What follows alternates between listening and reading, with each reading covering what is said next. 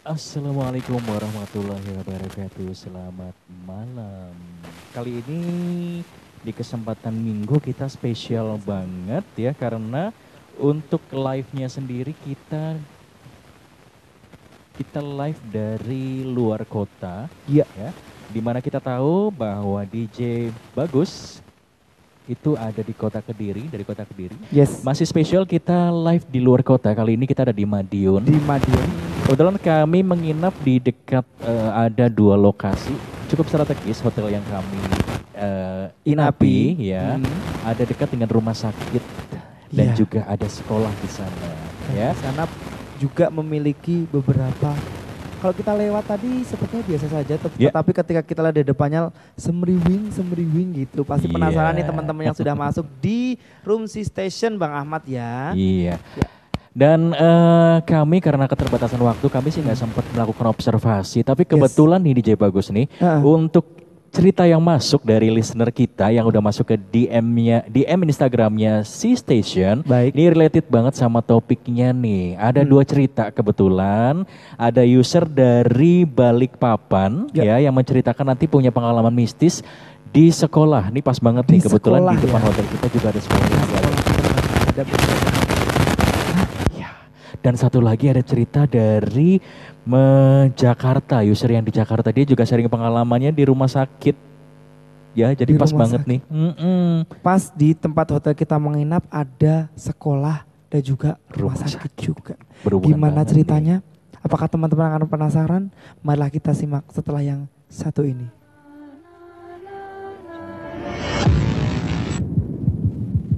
Audio Jungle.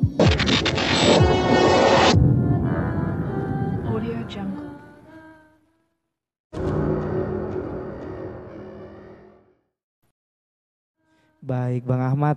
Ini tadi kan eh, kita tadi sudah masuk di Kota Madiun untuk pertama kali di tahun 2018 ini. Yes. Saya meng, eh, menginjakkan kaki saya di Madiun. ini. So do I, saya juga baru pertama kali nih ke Madiun. Wah, masa sih Iya. Bang? Iya, ke Wow. Jawa Timur kalau ke Surabaya sudah beberapa kali, tapi kalau Jawa Timur yang lain dalam hal ini Madiun ini kali pertama ya. Dan Tadi iya, tadi saya menjanjikan ada dua cerita. Ah. Boleh dong kalau begitu DJ Bagus nih ulas sedikit aja ya yang berhubungan dengan memedi nih, berhubungan dengan mistis mengenai Madiun. Mungkin pernah dengar cerita-cerita apa gitu ya. Kita kan punya teman di sini ada DJ Akui. Iya. Mm-mm. kita dari- ke sini tadi juga silaturahim ya dalam Yes. rangka silaturahim untuk ke DJ aku Iya. yang ada di Madiun ini. Dan mungkin kita sapa-sapa dulu. Oke, DJ sudah ada Akui. tuh. Oh, DJ Akuinya. DJ aku ini ada suaranya loh di sini. Halo Bang Akui. Halo juga untuk Mas Bagus dan Bang Sadik. Ya, ini ada DJ aku yang mungkin nanti akan sedikit nimbrung-nimbrung jadi narasumber kita. Jadi tadi kita sempat nanya-nanya, DJ aku ih, tempat-tempat lokasi yang serem di mana sih? Dan kebetulan ada satu spot yang juga sama seperti disebutkan oleh Rindu Setengah Matang nih di Jalan Kertin, Kartini. Iku yo serem pisan ya. Tadi aku juga menyebutkan, menyebutkan ada satu spot ya, bener ya di Iya, Jalan benar. Kartini ya aku Jalan ya. Kartini Tapi tadi. yang menarik perhatian saya sama DJ Bagus tadi adalah ketika aku cerita ada urban legend yang mungkin nggak banyak orang tahu. Kebetulan karena namanya menyangkut-nyangkut sama nama saya Sadik ya. Tadi aku sempat keingetan ada urban legend di Madiun itu yang berhubungan dengan nama Sadik. Urban legend seperti apa sih? Bener banget Iya. Bang Sadik. Jadi tadi tergelitik ya ngomong, wah Bang di sini tuh ada urban legend yang sangat di jembatan di jembatan Jiwan. Jadi jembatan Jiwan Jembatan itu Jiwan. Kalau kita mau masuk ke Madiun itu kita melewati jembatan Jiwan itu. Itu di sekitar sini- berapa kilo dari itu pusat kota? sekitar berapa ya? Berapa kilo ya ku ya? Sekitar 2 sekitar kilo, dua dari kilo pusat dari kota. pusat kota, Oke. bener. Nah di situ yang paling terkenal adalah betul saya tergelitik sekali karena namanya sama dengan Bang Sadik. Oke, gimana ceritanya tuh DJ Bagus? Jadi jembatan ini ya jadi si Sadikem eh, Bang Sad eh Bang Sadikem Sadikem ini dia menunggu di jembatan Jiwan ini dan jembatan ini memang kerap kali ditongkrongi oleh para makhluk halus menurut cerita yang terjadi di Madiun Bang Ahmad. Salah satu penunggu jembatan yang terkenal yaitu ceritanya adalah si manis penunggu jembatan Ancol yang bahkan sempat diangkat kisahnya dalam serial televisi. Oh, pernah ada. Iya. Kalau di Jakarta Simane Jembatan Oh, iya, Ancol. Jembatan Kalau Ancol. di Madiun ada juga mitos nih Mm, penunggu jembatan juga seperti Manis oke. tapi dikenal oleh warga setempat dengan nama Sadikem. bukan Purikem ya. Bukan, bukan. Jadi menurut mitos yang ada di sini yang kita tadi sempat sempat ngulik dari DJ Aku itu Sadikem itu adalah hantu wanita, Bang. Wanita bener? Ya, wanita Oke. bener, Bang, bukan seperti Bang Sadik Oke, ya. ya. Silakan dilanjut. Menjadi penunggu jembatan Jiwan yang terletak di perbatasan Madiun dan Magetan. Mitos seputar dirinya itu dihiasi oleh cerita-cerita yang dituturkan dalam berbagai versi. Ada banyak versi nih, Bang. Gimana? Versinya gimana aja tuh? Di antaranya salah satunya adalah mengungkapkan bahwa Sadikem itu adalah eh, dulunya seorang wanita cantik yang baru saja menikah. Wanita cantik yang baru saja menikah. Oke. Betul. Baru saja menikah dan ada adat Jawa ya Bang ya. Mhm. Kalau di Jawa itu ada adat itu semacam larangan kepada para perempuan yang usia pernikahannya itu belum mencapai seminggu untuk Mhm. mengunjungi atau mendekati wilayah sungai. Oke. Jadi adatnya begitu Bang. dulunya ya. Konon ya. Konon, oke. Konon dulunya adalah ada yang kalau misalkan masih belum seminggu nggak boleh ke mana-mana dulu nih. Oke. Dan si Sadikem ini melanggar. Dan akhirnya ketika dia melanggar itu pun naas terjadi kepada Sadikem dia tenggelam di sungai itu bang Oke. di jembatan Jiwan di Oke. bawah jembatan Jiwan. Nah akhirnya menurut mitos setempat jadi sosok Sadikem ini sering kali menampakkan diri di jembatan Jiwan pada hari-hari tertentu Oke. dan di- ditandai dengan bau-bau yang kurang Duh, di sini kayaknya juga ada bau-bau yang kurang enak ini ya. Mm-mm, karena toiletnya kebuka. Oh, Oke, iya. bagus ya. Silakan dilanjut. Jadi ada kayak eh, ditandai dengan bau-bau yang kurang sedap itu menandakan kemunculan Sadikem. Oke. Seringkali Sadikem ini menampakkan diri dalam wujud perempuan Oke. berbaju putih, kemudian berambut panjang dan dia eh, menghampiri pengendara seolah-olah dia ingin nebeng gitu bang. Oke. Dan ternyata setelah eh, dia itu si pengendara ini merasa membonceng perempuan tadi, Oke. ketika sudah melewati perbatasan antara Magetan, ketika ditoleh perempuan tadi sudah tidak ada. Sudah tidak ada. Baik. Jadi secara visual ini klasik sekali ya kalau urban legendnya Indonesia tuh visualnya tuh selalu perempuan, rambutnya panjang, kadang Hmm. rambutnya pria-pria pakai baju putih gitu ya. Benar. visualnya selalu seperti itu. Dan rata-rata nih kalau dari urban legend daerah-daerah lain ini Oke, sebelum masuk pertanyaan saya, apakah ada kisah yang lain nih? Karena Hmm. biasanya nih kalau hantu-hantu perempuan, khususnya yang penunggu-penunggu jembatan ini nggak lain nggak bukan itu biasanya urban legendnya adalah merupakan korban perkosaan. Biasanya. Biasanya, apakah ini ada versi lain dari cerita Sadikem ini? Jadi versi lainnya itu tetap wanita yang malang. Kalau versi lainnya itu betul. Jadi ada juga versi yang menyebutkan bahwa si Sadikem ini diperkosa oleh beberapa laki-laki. Oke, ini versi kedua ya. Ya, Oke. versi kedua. Sadikem ini karena dia eh, wanita yang malang dan dia tuh jalan sendirian gitu bang. Wanita yang Malang, wanita dari Malang atau oh wanita- bukan, bukan, Oke. bukan. Dia adalah wanita. Bukan anak yang Malang ya. Bukan. Oke. Dia adalah wanita yang malang. Kemudian dia jalan sendirian dan dan bertemu dengan sejumlah lelaki di jembatan tersebut. Oke. Naasnya dia dipaksa dan kemudian diperkosa dan nyawanya, nyawanya pun turut dihabisi dan mayatnya dibuang di Sungai Bakung. Maka dari itu, menurut eh, masyarakat setempat, dia meneror para pelintas karena adanya rasa dendam yang membuat dirinya tidak bisa meninggal dengan tenang. Oke.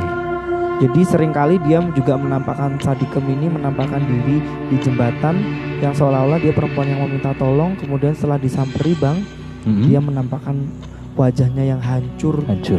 dan sudah is- istilahnya Ya. tidak apa ya, sudah tidak layak lah. Oke. Jadi masih mendingan jembatan Ancol ya. Visualnya tuh cantik kayak Cantik malam gitu ya. Memang Kiki Fatmala bang. Oh, memang Kiki Fatmala. Oke. Asal jangan kayak Ozi Saputranya ya. Bener banget. Ini mau serem jadi nggak jadi serem nih. Apakah masih ada versi lain? Jadi kalau versi lain itu eh, bukan versi lainnya bang ya. Jadi terornya Sadikem. Oh, terornya. Oke. Mm-mm. Dia selain tadi menampakkan sebagai sosok wanita yang melambaikan tangan, eh yang me- minta bonceng. Minta bonceng. Uh, kemudian juga sosok wanita yang minta tolong. Ji- Dia juga menampakkan diri sebagai sosok wanita yang mencari-cari suaminya. Oke, sejauh ini ada nggak informasi mengenai eh, para bukan korban ya, artinya eh, mereka nih yang pernah bercerita mengenai hantu tanda kutip ya, hantu atau penampakan sadikem ini yang pernah menjadi korban jiwa mungkin gara-gara diboncengin akhirnya kondisi kendaraannya Ada, Bang, oleng sampai akhirnya kecelakaan sampai akhirnya menjadi korban benar-benar jadi Iya. korban. Pernah ada seperti itu? Jadi dulu tuh di tahun 2009, itu 2009 pernah oke. pernah ada bis ya, bis dari Jawa Timur ke Jawa Tengah. Oke. Itu mengangkut penumpangnya yang lumayan full. oke Kemudian terjadi kecelakaan di situ, Bang. oke Dan ketika di pada malam hari Hmm. dan ketika itu hampir eh, sekitar 30 orang yang meninggal. Pada 30 orang yang meninggal 30 orang yang meninggal karena kecelakaan bis itu. bisa dipastikan Dan itu supirnya selamat. ya? supirnya selamat Supirnya selamat. tapi seluruh penumpang 30 orang meninggal. Ada yang meninggal 30 tidak semua. oke Yang meninggal 30 orang. 30 Kemudian ketika diinterogasi oleh kepolisian, oke apakah dia mabuk atau tidak? Tidak. Dan ternyata pen- menurut penurut penuturan si driver atau driver supirnya itu oke. ada wanita yang berada di tengah jembatan sedang eh, apa namanya berada di tengah dan kemudian dia apa bang ini Melambai-lambai. tapi di tengah di tengah dan itu muncul secara tiba-tiba oke sehingga supir panik terpaksa supir panik dan Oke. membanting setir Setir.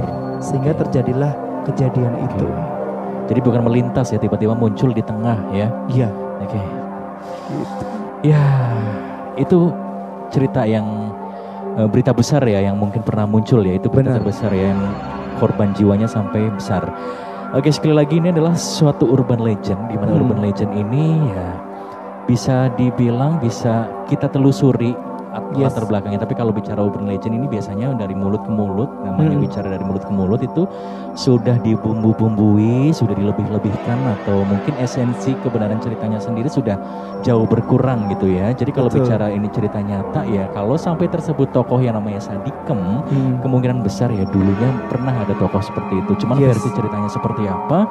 Nah, Nah, ya, itu kita tidak sekarang. sampai observasi terlalu jauh ya. betul Oke. dan tadi pun kita waktu makan mau makan apa namanya pecel tadi Pecel ya. yang khasnya Madiun Mhm. kita melewati jembatan Sadikem dan Oke. kita tadi merasa aduh kok merinding ya Oke. ternyata kita melewati jembatan Sadikem itu Iya, kenapa pantesan Situ. tadi aku colek-colek ya? Hmm, Hmm, hmm. Udah di situ wow oke kita akan Bukan karena sama-sama lewat Sadikem, tadi karena AC-nya terlalu dingin dia colek-colek makanya minta agak dihangatkan temperaturnya ya. tidak ada Sadikem ada Sadik ya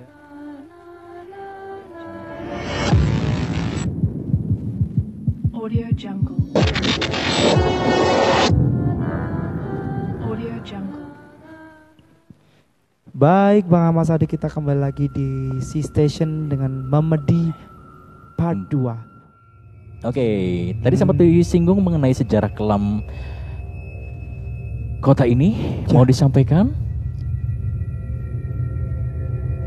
Ya, seperti kita tahu bahwa dalam sejarah kemerdekaan untuk di apa namanya kota Madiun sendiri sangat lekat ya. Tapi kita mungkin ini sedikit insensitif. Kita yes bahas belakangan atau mungkin nanti bahas tidak jadi belakangan dulu aja bahas belakangan. Kalau misalkan Karena ada ada yang gak sabar kayaknya ada listener bener yang ceritanya pengen dibacain. Kalau kita lihat di Instagram C Station ini Bang, ini ada Yes. banyak sekali cerita-cerita yang sudah masuk. Oke. Dan nanti kita akan closing di Madiun ini sebenarnya ada apa sih yang bener-bener kita tuh hmm, mau ceritain itu masih takut sendiri kita ya. Oke, Iya. kita akan ke Cerita ya? cerita yang sudah Cerita masuk dulu. Oke. Terima kasih ada siapa Bang di sana? Oke, di sini ada seorang listener, Iya. seorang listener yang nanti teman-teman bisa tanyakan sendiri ya atau nanti mungkin dikoreksi kalau memang keliru. Kebetulan listenernya ada di sini nih. Mm-mm. sebut saja inisial ya saya menjaga kerahasiaan ya. Sebut saja inisialnya adalah Eci Billy. Inisial ya bang. inisial itu ya? ya. inisial yang saya ungkap. Boleh kasih backsoundnya yang paling seram? Sudah? Ini udah yang paling seram? Yakin kayaknya masih lebih seram backsoundnya lu cinta Luna kali ya nggak apa-apa deh kita pakai ini aja ya oke singkat cerita nih jadi Eci Billy ini salah satu listener kita salah satu listener kita yang tinggal di Balikpapan di sini Hmm. tidak disebutkan sih kejadiannya di kota mana, tapi kita anggap saja di kota Balikpapan ya Billy ya. Jadi Billy ini merupakan salah satu anak yang memiliki kemampuan ya, Hmm. memiliki kemampuan untuk peka. Peka Hmm. terhadap hal-hal yang sifatnya Punya six sense. ya astral. Ya, Jadi- tidak bisa di- tidak disebutkan di sini apakah dia bisa melihat atau mungkin bisa berinteraksi seperti apa tidak peka. disebutkan. Peka. Baik. Ya, kalau ada makhluk ah, lain yang menghuni Hmm. tempat tertentu, si H. Bill ini bisa merasakan. Oke, Baik. di sini sudah dikoreksi di Jambi ya waktu sekolah dulu. Oke. Baik. Jadi ceritanya memang terjadi pada saat H. Billy ini eh, waktu SMA Jadi si Bang Eci Bill ini masih SMA di Jambi. di Jambi tahun Baik. 1982. Anda Hmm. sudah lahir saat itu? Oh, saya sudah. Sudah ya. Eci Billy 1982 SMA lo ya. Kebayang sekarang usianya berapa. Oke. Oke, bagian 1982 atau tahunnya kita skip ya karena itu Baik. adalah cerita dusta dari saya ya. Jadi ceritanya nih Eci Billy dan teman-temannya ada bertiga Mm-mm. itu iseng-iseng. Isengnya kebangetan ya. Isengnya kebangetan karena bertiga ini mencoba Ya. menguji nyali iseng-iseng datang ke sekolah waktu malam hari. Ya, Jadi datang ke sekolah malam hari baik. Iya, lalu pada saat berjalan masing-masing sambil teleponan di grup ya. Saya nggak tahu. Hmm. Kalau bicara telepon handphone itu berarti ya kejadiannya sudah masa kini lah ya. Iya. Tahun 2000-an ke atas ya. Nah, si Billy ini kebetulan dapat bagian di kelas multimedia. Mm-mm. Ya, jadi ceritanya tiga orang ini yang entah apa maksudnya mungkin divideokan atau mungkin hanya ngetes nyali bertiga ini pisah nih mencar dan si Hmm. Billy ini dapat masuk ke kelas multimedia. Gokil. Yang terkenal di sekolah itu kelas multimedia adalah bagian yang paling banyak memedinya. yang paling banyak makhluk astralnya. Diceritakan oleh Ichi Billy seperti itu. Bahkan siang hari pun juga kerap menunjukkan gitu ya hal-hal yang bersifat atau berbau astral. Hmm. Nah, singkat cerita pada saat itu A.J. Billy naik ke lantai dua nih ke kelas Hmm. jurusan multimedia Malam ya malam hari. Oke. Bahkan sebelum sampai ke tujuan dalam hal ini adalah kelas multimedia di jalan di perjalanan menuju ke kelas multimedia itu Hmm. yaitu di tangga waktu mau naik ke atas sudah terlihat dari bawah kalau ada orang tinggi besar di atas sana Jadi yang sebelum menghadang Mm-mm. yang sedang memandang Eci Billy ini. Siapa Melihat ke bawah. I don't know. Billy juga tidak tahu. Jadi si Billy ini ketika dia mau naik ke multimedia sudah ada sosok tinggi besar yang menghadang. Ya. Dan legai memandangi ke arahnya si Eci Billy. Hmm, aku merinding bang. Terus kemudian? Nah, karena tadi disampaikan ya bahwa Eci Billy ini peka nih terhadap hal-hal yang Berbau eh, mistis. berbau mistis nih. Hmm. Akhirnya Eci Billy yang memberikan diri, memberikan diri untuk lanjut tapi tidak memandang dia karena Eci Billy sendiri Hmm. berpendapat kalau mereka tahu keberadaan kita Mm-mm. atau mereka tahu bahwa kita tahu keberadaan mereka artinya kita punya six sense Mm-mm. mereka bakalan mencoba berinteraksi lebih dengan kita Ya. artinya kalau tanda kutip kita anak indigo gitu ya atau yang bisa berinteraksi lah mereka akan lebih berpotensi Intens. dengan kita Iya. Nah, si Billy ini berpura-pura nggak tahu ya. Akhirnya ya lewat-lewat aja gitu ya, tanpa pura-pura ada di situ makhluknya. Padahal dia tahu nih, Hmm. karena menghindari diganggu lebih lanjut. Nah, begitu sampai di atas, Iya. setelah naik lantai dua belum ke kelas multimedianya masih jalan di dekat kelas pertama itu ada suara ketokan dari bangku Jadi ketika dia di atas ada suara ketokan, dari ketokan bangku. iya Tok tok gitu ya. diketok dan mencoba masuk ke dalam kelasnya Hmm. belum masuk masih di luar udah terdengar ketukan Padahal ketukan ada dari bangku siapa-siapa. nggak ada ya? siapa-siapa akhirnya karena penasaran dan ya menjaga gengsi namanya juga lagi uji nyali gitu ya Hmm. akhirnya masuk dan di situ ada cewek yang sedang duduk sambil ketok-ketok meja dan posisi tempat duduknya itu pas di tempat adik kelasnya adik kelasnya yang sama-sama juga bisa Hmm. Melihat melihat. Hmm. Dan dia sendiri, siapa si Eji. duduknya sendiri di sini diceritakan sendiri Jadi naik tuh sendirian ya. Iya. Coba situ ya uji namanya anak nyali ya, muda anak-anak ya. iya anak muda generasi milenial gitu ya uji nyali sana masuk ke kelas multimedia. Iya.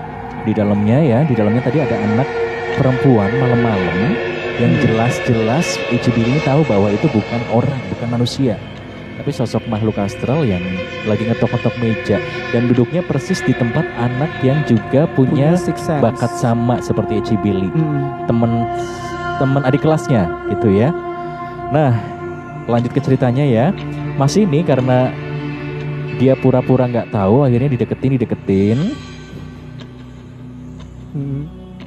sambil Eci Billy juga untuk mengikis rasa takutnya nih sambil ngontek teman-teman yang lainnya, dua yang lainnya tadi nih. Akhirnya si Eci Billy ini duduk di depan kursi, di kursi depan, kursi barisan depan untuk beberapa menit. Ya itu kelas pertama yang dimasuki, selanjutnya Hmm. masuk ke kelas 2 masih di lantai 2 nih. Terus di eh, lantai 2 ini kan ada tiga kelas. Jadi kelas pertama tadi di dalamnya ada perempuan, ada cewek yang lagi ngetok-ngetok. Kotok-kotok. Ya. Ya. Terus setelah itu Bisa dia duduk di Itu situ. ceweknya itu da- jadi duduk di atas meja itu apakah wajahnya bagaimana? Mungkin Eci Billy bisa typing Iya, dengan nanti kita respon ya Ici Billy ya. Nah, kita Info penasaran tambahan, juga. adik kelas gue itu kalau siang sering dengar suara-suara yang mengganggu. Nah, Oke. Jadi adik kelasnya yang duduk di kursi itu, Mm-mm. itu kalau siang pun dia sering mendengar suara-suara yang mengganggu. Nah, pas malamnya Eci Billy melakukan uji nyali, di tempat duduk yang sama itu ada makhluk astral yang lagi duduk di situ. Dan soal mukanya seperti apa, kita ini tunggu kita, dulu ya. Ya, kita masih menunggu typingan ya. Itu kelas pertama yang didatengin. Jadi di lantai dua ini ada tiga kelas nih DJ bagus nih. Iya. DJ, eh, DJ, Eci Billy baru masuk ke kelas pertama. Sekarang di kelas kedua. Di kelas kedua setelah tangga itu ada sosok besar yang tadi Tinggi besar. yaitu mendekat dan udah berdiri di depan kelas yang kedua udah menghadang lagi di situ. Kalau tadi menghadang di tangga, sekarang menghadang di depan kelas, kelas kedua. kedua. Sepertinya sosok tersebut udah tahu nih bahwa Eci Billy punya bakat. Hmm. Tadi kan disampaikan bahwa makhluk tersebut ya sedang mengamati dari sedang jauh. mengamati ini anak lagi ngapain gitu ya. Hmm. Nah, dengan masih berpura-pura nggak tahu, biar Hmm. nggak banyak interaksi yang terjadi, akhirnya Eci Billy ini masuk ke kelas kedua dan di sana ada dua sosok lagi. Ih, apa itu bang? Yang satu itu lagi berada di pojok belakang kelas, Mm-mm. yang satu lagi berada di atas meja dengan posisi menggantung. Jadi kakinya nggak napak, tapi ada di atas meja. Jadi dia begitu masuk kelas, di situ ada dihadang oleh laki-laki tinggi besar Ya, di depan. di depan Dan dia masih begitu berpura-pura nggak tahu, mengabaikan akhirnya masuk. masuk dan dia melihat ke belakang ternyata di belakang ada po- di pojokan Sosok ada sosok Iya. dan di tengah ada atas tengah meja iya. di salah satu meja kelas di atasnya itu ada s- melihat lagi sosok kaki menggantung. yang posisinya menggantung seperti kayak- gantung diri Eh, kalau kalau kita lihat di film Conjuring itu ya mungkin Mhm. interpretasinya yang di yang orang menggantung tuh loh bang Mm-mm. Di di pinggir danau itu kayak gitu ya. Iya. kakinya menggantung dan yes. dia berada di atas tidak tidak menapak gitu kakinya. Bisa jadi visualnya seperti itu karena kita kalau mau tahu visualnya seperti apa kita harus minjem bola matanya Billy ya. Baiklah tapi sayangnya itu nggak bisa dilakukan. Mungkin kalau visualnya seperti itu ya. Nah akhirnya di situ si Billy keinget kalau dulu dulunya Iya. Eh, di kelas tersebut itu ada siswi yang gantung diri karena hamil dan cowoknya nggak mau bertanggung jawab Jadi di kelas itu di dulu kelas ada itu. jadi mungkin itu residual dari siswi tadi yang gantung diri. Uh, saya merinding banget. Nah, yang yang di pojokan melotot ke Hmm. arahnya si Billy, tapi yang menggantung ini nggak bergerak sama sekali. Jadi tim menggantung gitu aja ya. Ya. Sampai ini ketika mau keluar kelas di kelas kedua ini dengan bulu yang sudah berdiri semua, bayangin Mm-mm. semua bulu berdiri ya. Di sini disebutkan jelas soalnya.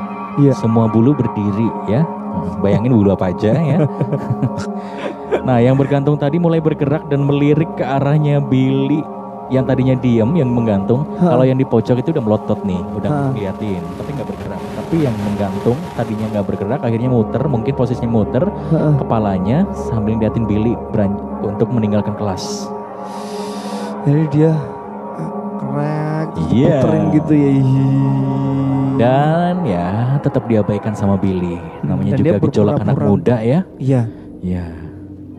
Nah ini agak panjang nih. Ini kelas yang kedua ya. Mm-mm. Kelas yang ketiga. Kalau menurut gue sih bang, yang di pojokan itu yang jagain dia. Oke ya.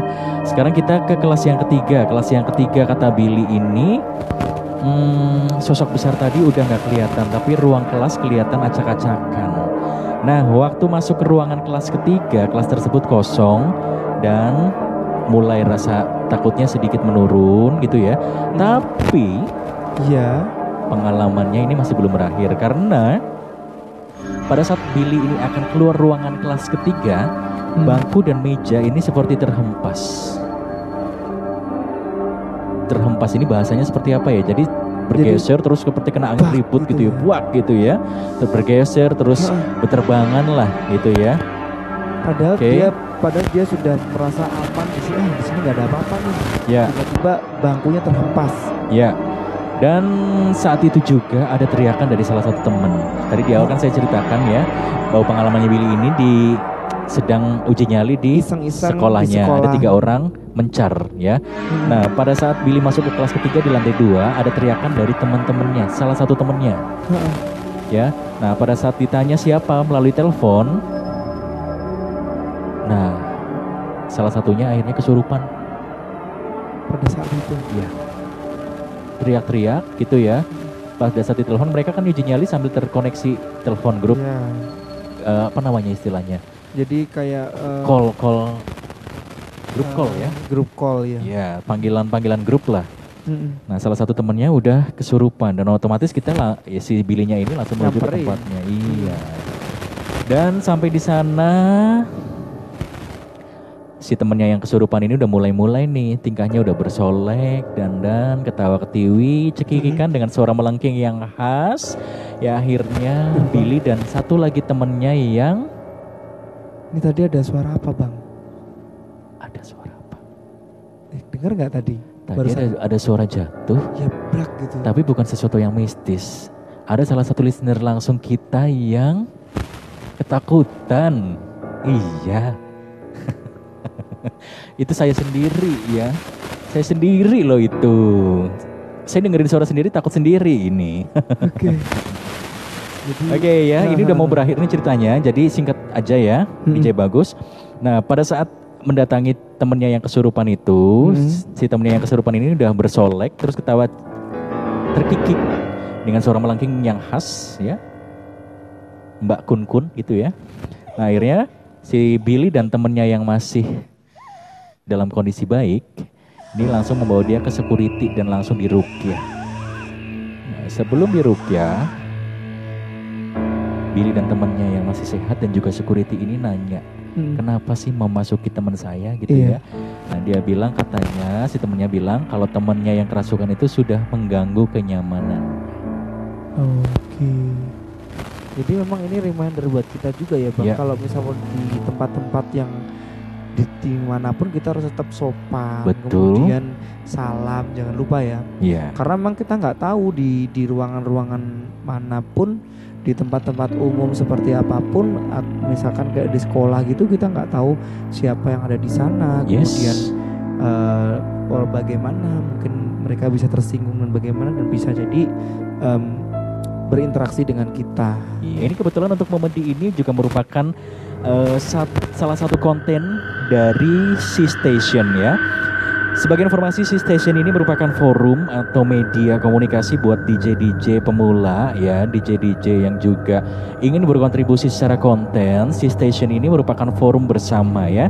Jadi nantinya ke depannya C Station ini akan memiliki banyak sekali konten mulai dari creepy ya, seperti ada program acara Momedi ini ada juga nanti ada di Creepy itu ada Maps ya program acara Maps. Selain Creepy ada juga C-Tech yang akan membahas hal-hal mengenai teknologi.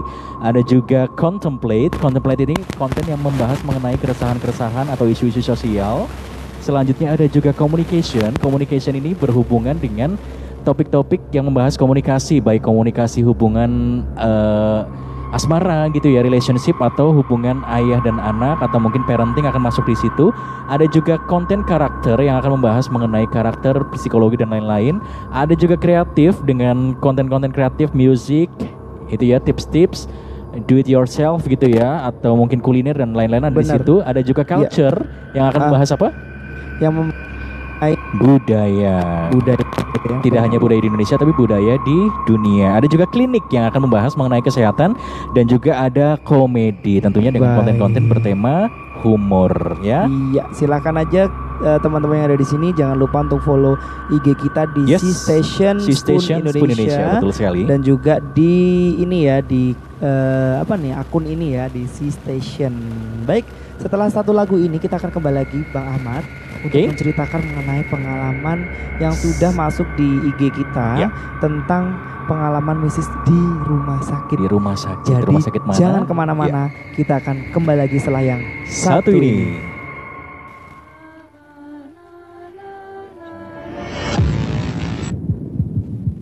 Audio Jungle. Audio Jungle. Baik, kita kembali lagi di room C Station dengan memedi merinding, merinding disco. Ngondek. Eh, oh, disco dong. ngondek dong. Oh, ngondek aja ya, Disco baik. aja dong. Bebas deh ya.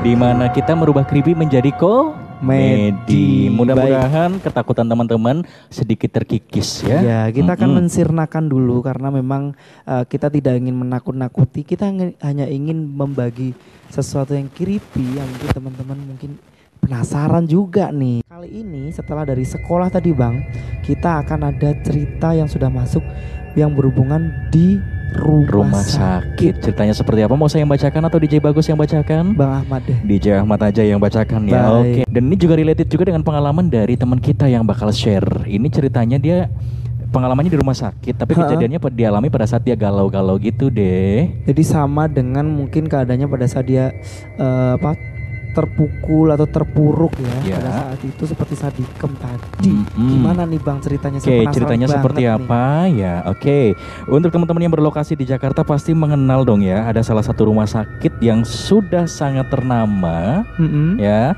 Sebut saja istilahnya adalah Rumah Sakit Dr. Cipto Mangunkusumo.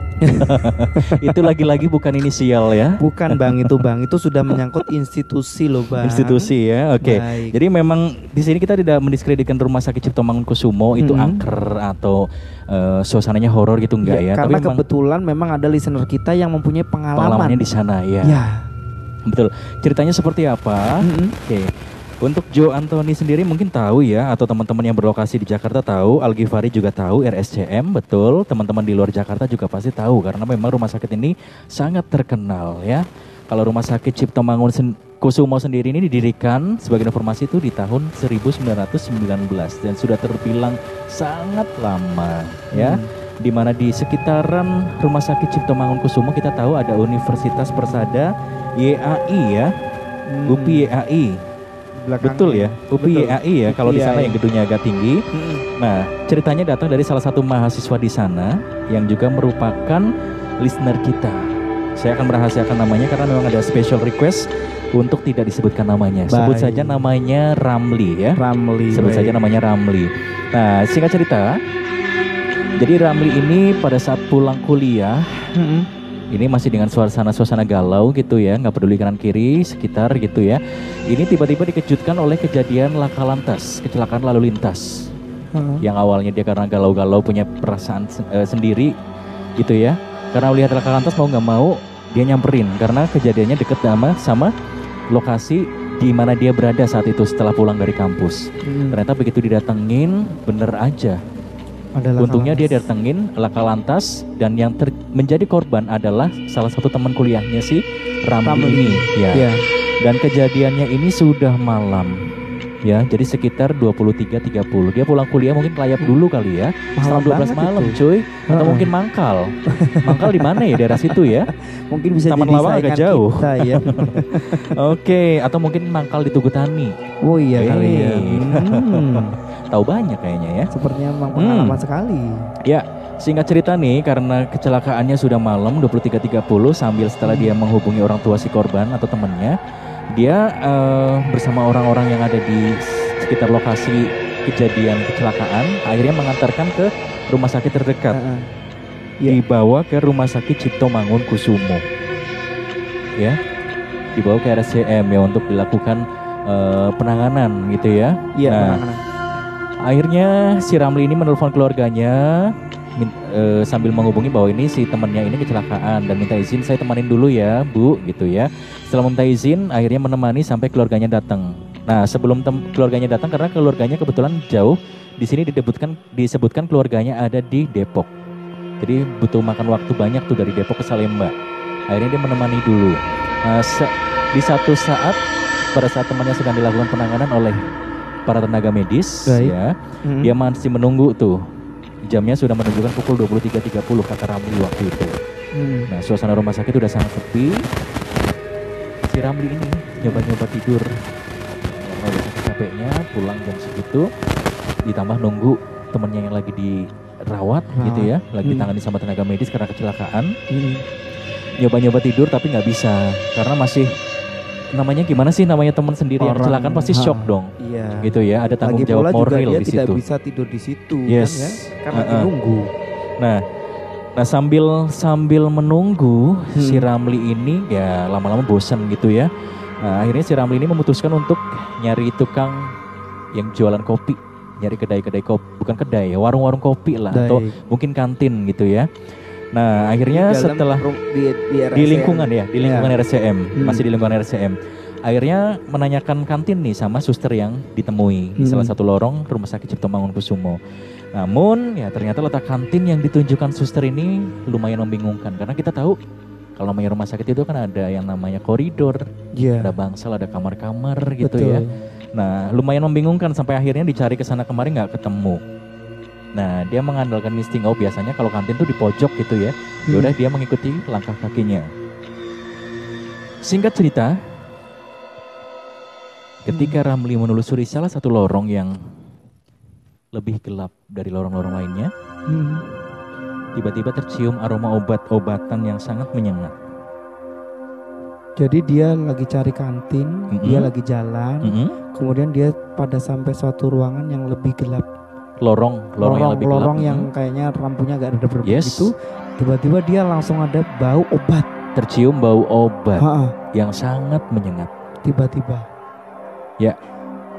Dan selang beberapa menit dia masih celingak-celinguk bau obat santer banget dari mana gitu ya. Ha-ha. Dia sih nggak ada pikiran macem-macem nih di sini nggak diceritain pikiran macem-macem karena ya namanya rumah sakit pasti obat-obatan. Betul. Tapi aktivitas apa yang sedang terjadi di tempat segelap itu?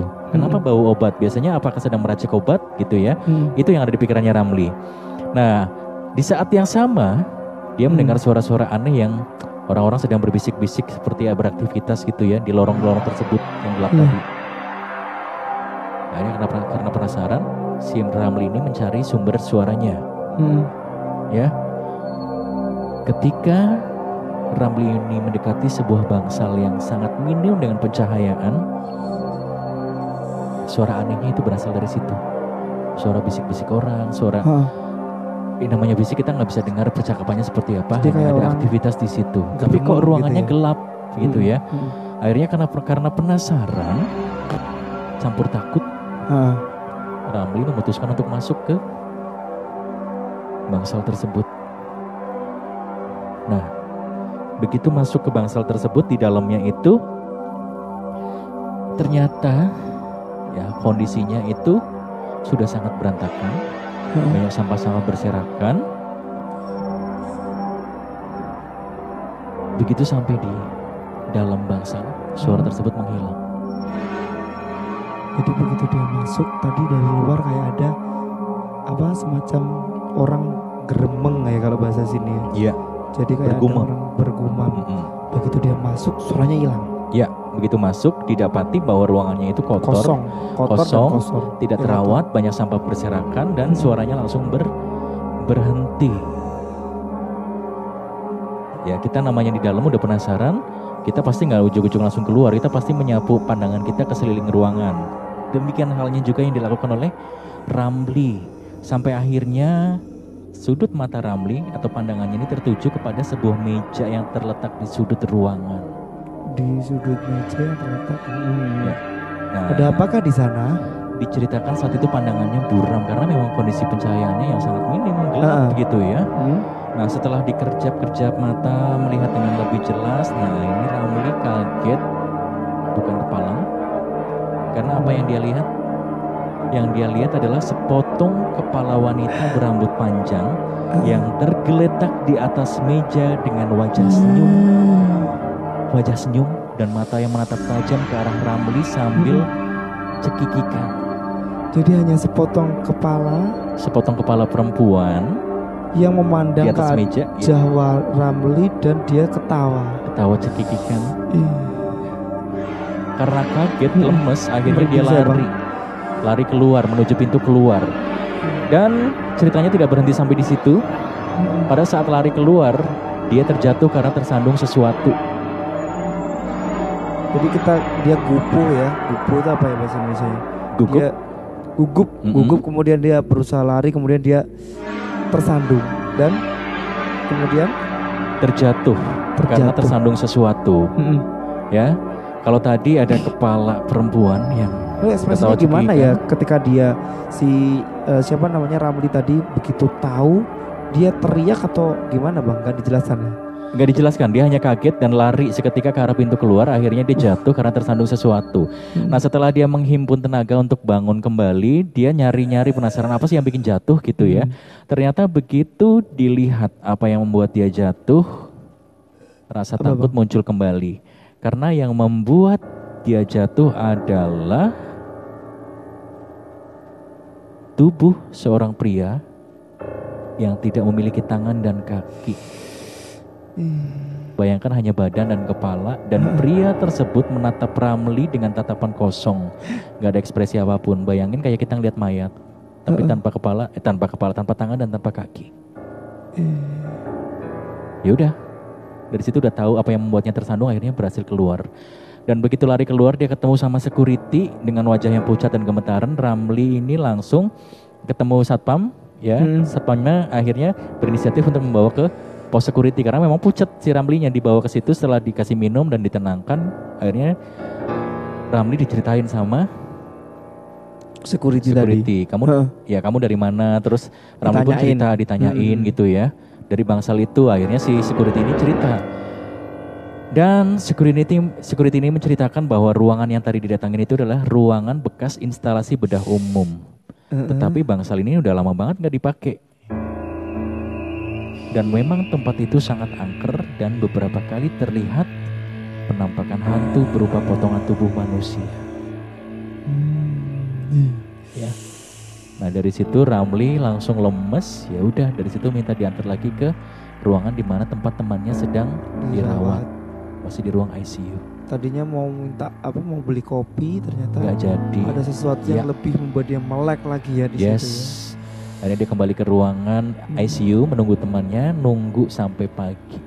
Jadi saya sekarang mulai berpikir ya kalau misalkan di rumah sakit itu di tempat-tempat yang mungkin gelap di situ eh, banyak terjadi sesuatu yang menyakitkan bisa jadi di situ adalah tempat berkumpulnya residual energi Mhm. atau makhluk-makhluk astral yang dia meresidu energi-energi kesakitan, Iya. kesedihan, tangisan ya, di situ. Karena dari yang pernah saya pahami, dari yang saya pahami bahwa yang namanya ketika seseorang itu meninggal, ruhnya itu akan langsung eh, ya menuju ke tempat yang seharusnya Iya. gitu ya. Jadi tidak akan tetap berada di dunia ini. Betul. Yang ada di dunia ini yang menyerupai wajah-wajah atau sosok-sosok orang yang kita kenal adalah Iya. jin.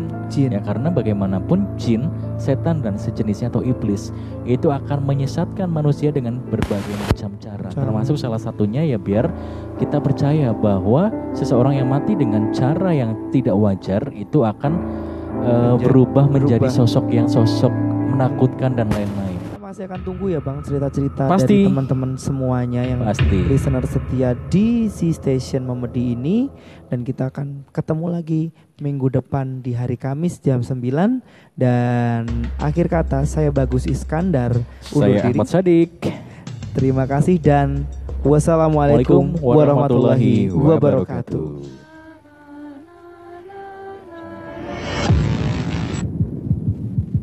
Audio Jungle. Audio Jungle. Thank you for always tuning in. Here's another one of your favorite tunes. Stay stuck.